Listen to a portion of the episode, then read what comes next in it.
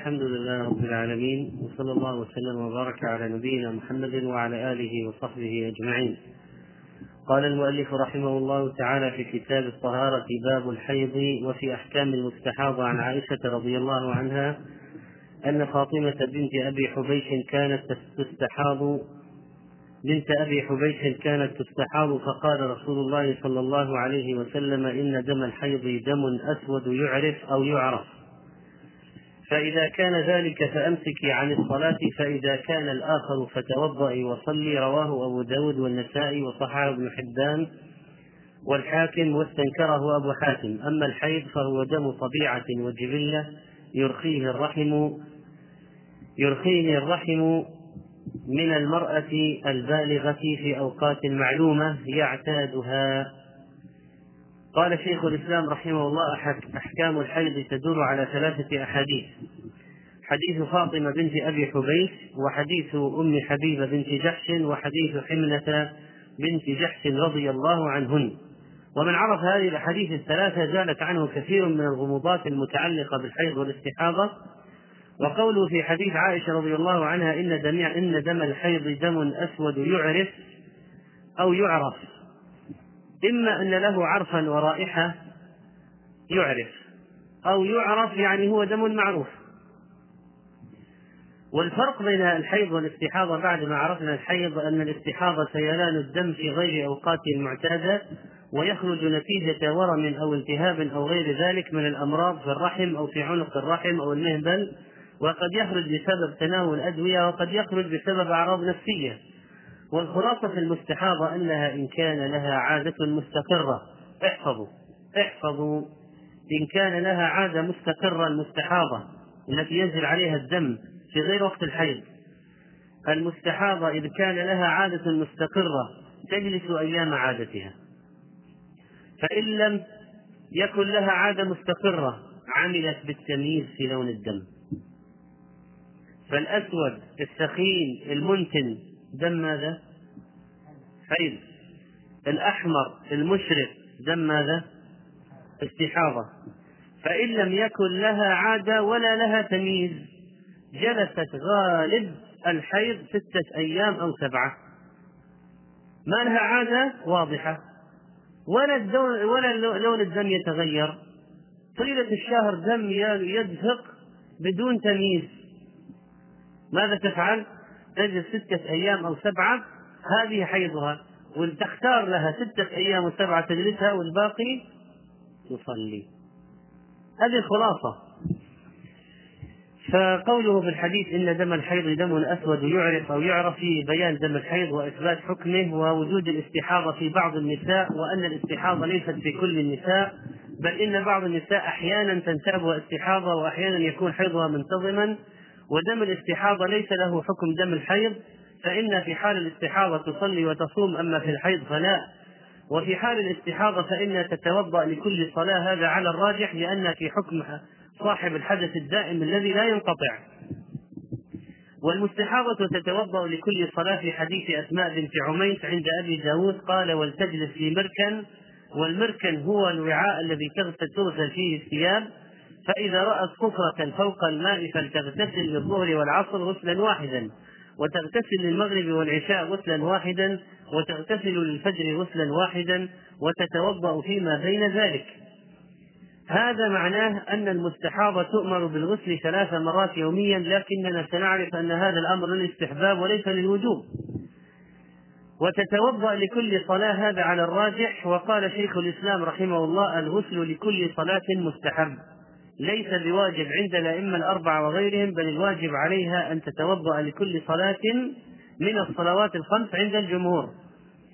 وأما حديث حملة بنت جحش رضي الله عنها فقالت كنت أستحاض حيضة كثيرة شديدة فأتيت النبي صلى الله عليه وسلم أستفتيه فقال إنما هي ركضة من الشيطان فتحيضي ستة أيام أو سبعة أيام ثم اغتسلي فإذا استنقأت فصلي أربعة وعشرين أو ثلاثة وعشرين وصومي وصلي فإن ذلك يجزئك وكذلك تفعلي كل شهر كما تحيض النساء. فإن قويت على أن تؤخري الظهر وتعجلي العصر ثم تغتسلي حين تطهرين وتصلين الظهر والعصر جميعا ثم تؤخرين المغرب وتعجلين العشاء ثم تغتسلين وتجمعين بين الصلاتين فافعلي.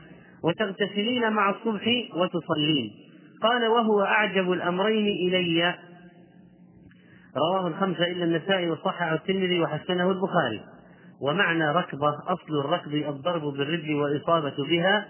فإذا الاستحاضة هذه الشديدة التي اشتكت منها المرأة حيضة كثيرة شديدة هي في الحقيقة إصابة من الشيطان ليلبس به على المرأة المؤمنة دينها وأمر صلاتها. وقوله في الحديث فتحيضي يعني اجعلي نفسك حائضا ستة أيام أو سبعة. هذا حديث حمل في أي حالة؟ المستحاضة من أي نوع؟ لا تمييز لها ولا عادة معروفة. فتحيضي ستا أو سبعا تختار ستة أيام أو سبعة في الشهر تجلسها من غير صلاة وتعتبر هذا هو الحيض. والباقي ماذا تفعل فيه؟ تصلي. كيف صلاتها على هذا الحديث؟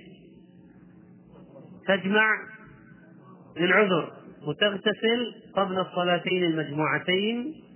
هذا كما قال عليه الصلاة والسلام أعجب الأمرين إليه الغسل وإلا فالوضوء يكفي. وينبغي للنساء أن يسألن العلماء فيما يشتبه عليهن في أمر دينهن والاستحاضة ليست حيضا طبيعيا وإنما هو أشبه المرض. ودم الاستحاضة لا يمنع من الصلاة ونحوها من العبادات الواجب لها الطهارة وإذا جازت الصلاة جاز إتيان الزوج لها. ودم الحيض يمنع من الصلاة ونحوها مما يشترط له الطهارة من الحيض. والصلاة المتروكة زمن الحيض لا تقضى والدم النجس يجب غسله وقد عرفنا ذلك سابقا. ماذا تفعل من شكت في الدم؟ عن عائشة رضي الله عنها أن أم حبيبة بنت جحش شكت إلى رسول الله صلى الله عليه وسلم الدم فقال امكثي قدر ما كانت تحدثك حيضتك ثم اغتسلي. فكانت تغتسل لكل صلاة رواه مسلم. وفي رواية البخاري وتوضئي لكل صلاة. وهي لأبي داود وغيره من وجه آخر. شكت تألمت عند النبي صلى الله عليه وسلم من هذا المرض الذي ألم بها. فقال امكثي وتوقفي وانتظري قدر عادة حيضتك واغتسلي يعني بعد الخروج من الحيض. وكانت تغتسل لكل صلاة من غير أمر منه عليه الصلاة والسلام وإنما رأت ذلك لنفسها. فالمستحاضة إذا كان لها عادة ماذا تفعل؟ كان لها عادة ثم انتفق الدم. ماذا تفعل؟ تجلس أيام عادتها السابقة. ولذلك قال امكثي قدر ما كانت تحبسك حيضتك. كان لها عادة. والآن صار الدم مستمر. نقول على عادتك السابقة. فإذا قالت من يوم ما عرفت عمري وحالي وأنا الدم مستمر علي فنقول عندك تمييز يجيك ست أيام أو سبعة مثلا دم غامق أسود منتن والباقي أحمر مشرق فإن قالت عندي نقول هذه الأسود هذا هو الحيض والباقي استحاضة إن قالت لا ما عندي كله مثل بعضه. نقول إذا خذي ستة اختاري ستة أو سبعة أيام وصلي الباقي. ولا حد لأقل الطهر ولا لأكثره فما دام الدم موجودا فهو حيض وما دام النقاء موجودا فهو طهر وصححه في الكافي وصوبه في الإنصاف وهو مذهب أبي حنيفة ومالك. فإذا قالت طهرت فترة يسيرة نقول نقول صلي فيها. رجع دم الحيض نقول امتنع عن الصلاة. والكدرة والصفرة ليست حيضا لحديث أم عطية رضي الله عنها قالت كنا لا نعد الكدرة والصفرة بعد الطهر شيئا رواه البخاري وأبو داود واللفظ له. والكدرة ما هو بلون الماء الوسخ والكدر والصفرة هو الماء الذي تراه المرأة كالصديد يعلوه الصرار وقوله بعد الطهر يعني بعد رؤية القطة البيضاء والجفاف. فإذا الكدرة والصفرة بعد الطهر الطهر ما هو؟ سائل أبيض. يخرج بعد الدورة بعد العادة. فالكدرة والصفرة بعد الطهر لا تعتبر شيئا بعد الطهر يعني ليست بحيض. وتغير الدم إلى لون آخر لا يشكك في أنه حيض ما دام في زمان وقته فإذا قالت في وقت الدورة الدم فتح لونه حيض ولا لا؟ أجيبه حيض. حيض. إذا قالت صار على أصفر في وقت الدورة فهو حيض. بعد الطهر نزل أصفر. ما كان أصفر كان نقاء. بعد الطهر نزل أصفر. ما هو؟ استحاضة. إذا رأت الدم في أيام عادتها صفرة أو كدرة فهو حيض. وإذا رأته بعد أيام الحيض لم تعتد به. نص عليه أحمد ومذهب الشافعي والثوري ومالك كيف يكون علاقة الزوج بزوجته الحائض؟ يجوز له أن يستمتع بها فيما دون الفرد لحديث أنس رضي الله عنه أن اليهود كانوا إذا حاضت المرأة فيهم لم يؤكلوها فقال النبي صلى الله عليه وسلم اصنعوا كل شيء إلا النكاح. رواه مسلم. لم يؤكلوها يعني لم يأكلوا معها. اصنعوا كل شيء إلا النكاح يعني إلا الجماع. هل يجوز عقد النكاح على المرأة الحائض أم لا؟ أجب. أجب. يا شيخ. عقد النكاح على المرأة الحائض يجوز ولا لا؟ يجوز. لأن نسمع كل شيء إلا النكاح الآن قلنا النكاح إيش يعني؟ يعني الوصف. أما عقد النكاح ما في مانع. ما يحتاج المرأة تسأل تقول مأذون سيأتي وعليه الدورة. نقول بسم الله. ومعنى هذا الحديث أنه يحل من المرأة الحائض كل شيء إلا الجماع وأن المراد من اعتزال النساء في المحيض هو الامتناع عن جماعهن في زمن الحيض فقط. هذا المقصود.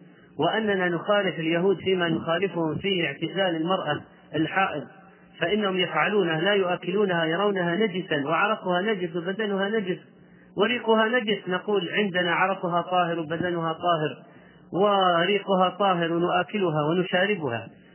والاستمتاع بالحائض فيما فوق السرة وتحت الركبة لا خلاف في إباحته عند الفقهاء وإنما الخلاف فيما هو تحت السرة وفوق الركبة. هل يجوز أم لا؟ حسب الآية اعتزلوا النساء في المحيض والمحيض هو مكان خروج الدم. إذا يجتنب مكان خروج الدم هذا هو الراجح. وعن عائشة رضي الله عنها قالت كان رسول الله صلى الله عليه وسلم يأمرني فأتزر فيباشرني وأنا حائض. متفق عليه. وأتزر أن تشد المرأة إزارا تستر سرتها وما تحتها إلى الركبة. فيباشرني المراد بالمباشرة التقاء البشرتين. وليس المقصود الجماع هنا. وهذا يدل على جواز الاستمتاع بالحائض بما سوى الجماع وأنه ينبغي أن يتحامى ويبتعد عن مكان خروج الدم حتى لا يقع فيما حرم الله وأن اتزار المرأة وقت الاستمتاع مما جاءت به السنة. فلو فعل ذلك وأغواه الشيطان وقع على المرأة في الحيض. وقع على المرأة في الحيض. عن ابن عباس رضي الله عنهما عن النبي صلى الله عليه وسلم أو بنصف دينار رواه الخمسة وصححه الحاكم وابن القطان. ورجح غيرهما وقفه. ومعنى يأتي امرأته أي يجامعها. الحديث يدل على تحريم وطء الحائض وأن الذي يجامع زوجته وهي حائض عليه كفارة يتصدق بها وهي دينار أو نصف دينار. ما مقدار الدينار بالغرامات؟ من يعرف؟ الدينار. كم غرام؟ الدينار هو مثقال. المثقال كم غرام؟ أربع غرامات وربع. هذا الدينار أربع غرامات وربع. نصفها نصف الدينار نصف مثقال من الذهب نصف الأربع غرامات وربع. أخرج قيمتها يا من وقعت عليها وهي حائض.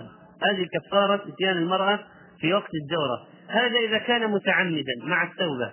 أما إذا كان غير متعمد يظنها طهرت فأتاها. فإذا الدم ينزل لم تطهر بعد. غير متعمد فليس عليه شيء. وهذا الإتيان في الحيض أذى كما قال الله ويسبب التهابات واكتئاب.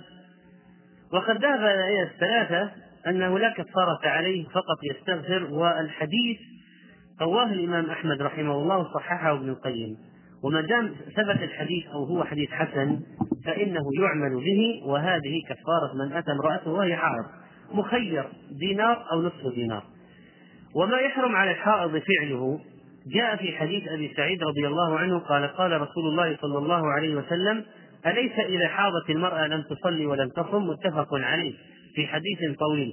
الحديث يفيد تحريم الصلاة على الحائض وعدم صحتها منها لو صلتها وليس عليها قضاء أيام حيضها بعد الطهر وتحريم الصيام على الحائض لكنها تقضي قدر ما أفطرته أيام حيضها. ولما اقترحت امرأة على عائشة أن تقضى الصلاة قالت أحرورية أنت؟ كنا نؤمر بقضاء الصوم ولا نؤمر بقضاء الصلاة. الخوارج من حروراء نزلوا بلد اسمها حروراء ونسبوا إليها كانوا من تنصعهم. هذه الفرقة منهم ترى أن المرأة تقضي الصلوات في الحيض وهم حرورية خوارج. ولا يجوز الطواف للحائض لحديث عائشة رضي الله عنها قالت لما جئنا سرف وهو وادي يبعد عن حد الحرم من جهة التنعيم عشرة كيلومترات وعن المسجد الحرام 18 كيلومتر يمر به طريق مكة المدينة فهو بين مكة وبين وادي الجموم. سرف لما جاءوا الصحابة مع النبي صلى الله عليه وسلم حاضت عائشة هنالك فقال النبي صلى الله عليه وسلم وقد أحرموا. أحرموا. افعلي ما يفعل الحاج غير أن لا تطوفي بالبيت حتى تطهري. متفق عليه في حديث طويل.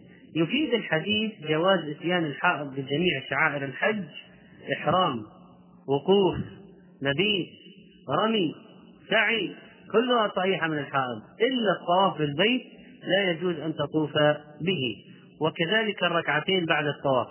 فلو فلو طافت وبعد الطواف أحست بنزول دم الحيض وخروجه. هل تصلي ركعتين؟ لا. تخرج من الحرم مباشرة. تخرج من الحرم مباشرة. هل يجوز أن تسعى وعليها الحيض؟ نعم. المسعى ليس من الحرم وإن التصق به كما قال شيخنا عبد العزيز رحمه الله. وعن معاذ أنه سأل النبي صلى الله عليه وسلم ما يحل للرجل من امرأة وهي حائض؟ فقال ما فوق الإزار؟ رواه أبو داود وضعفه. وقد عرفنا حكم المسألة. وعن أم سلمة رضي الله عنها قالت كانت النفساء تقعد على عهد النبي صلى الله عليه وسلم بعد نفاس أربعين يوما رواه الخمسة إلا النسائي واللفظ لأبي داود. وفي والنفساء لا تقضي الصلاة وفي لفظ له لم يأمرها النبي صلى الله عليه وسلم بقضاء صلاة النفاس وصححه الحاكم. النفاس ما هو؟ يقال نفست المرأة نزل عليها دم النفاس وهو الدم الذي تراه عقب الولادة. بقية الدم الذي احتبس في مدة الحمل لأجل الحمل يتغذى عليه فإذا ولد تكون هناك بقية بقيت في الرحم فتخرج بعد الولادة. قال ابن رشد رحمه الله ابتداء النفاس من خروج بعض الولد. لكن متى تكون المرأة التي أسقطت نفساء إذا الجواب إذا أسقطت ما يظهر فيه تخليق شكل الولد رجل يد راس أعضاء تخطيط أعضاء تخطيط لقطعة اللحم. هذه المرأة إذا ألقت ما فيه شكل صورة فإنها نفساء. إذا ألقت ما قبل ذلك فليست لنفساء وإنما تكون مستحاضة. والنفساء أحكام وهي أحكام الحائض فيما يجب ويحرم ويكره ويباح. وتجلس النفساء أربعين يوما تكف نفسها عما تفعل الطاهرات. طيب لو طهرت قبل الأربعين بعد ثمانية وعشرين يوم طهرت المرأة تصلي أم لا؟ تصلي. أجب أنت. طهرت بعد 28 يوم جلست أسبوع تصلي بعد سبعة وثمانية وعشرين خمسة وفي اليوم الخامس والثلاثين نزل عليها دم. ماذا يكون؟ ما سوينا شيء. قال إما دم حيض أو استحاضة. يعني الآن المرأة تريد أن تعرف تريد جوابا منكم يا طلبة العلم هل تقول لها يمكن حيض يمكن استحاضة؟ ما يصلح لازم تعطي جواب هات الجواب. إيه. استحاضة يعني تصلي. هذا معنى إيه. تفسيرها بالصلاة؟ ما هو الجواب اللي بعده؟ حيض ولا استحاضة؟ اللي وراه. لماذا؟ أي دم في الأربعين فهو نفاس. احفظ القاعدة. أي دم في الأربعين فهو نفاس. احفظ وأنت مهتم بهذا لأن الواحد لا يخلو من أخت أم زوجة عمة خالة. لابد. وهذه هذه فيها قواعد. المسألة سهلة. إذا حفظت القواعد أجبت عن أكثر من نصف الأسئلة في هذا الموضوع. وهذا موضوع لابد أن تتعرض له عاجلا أم آجلا. ولا تقل أنا شاب ما لي دخل بهالشغلات يجب أن تتعلم هذه القضية لأنك ستحتاج إليها.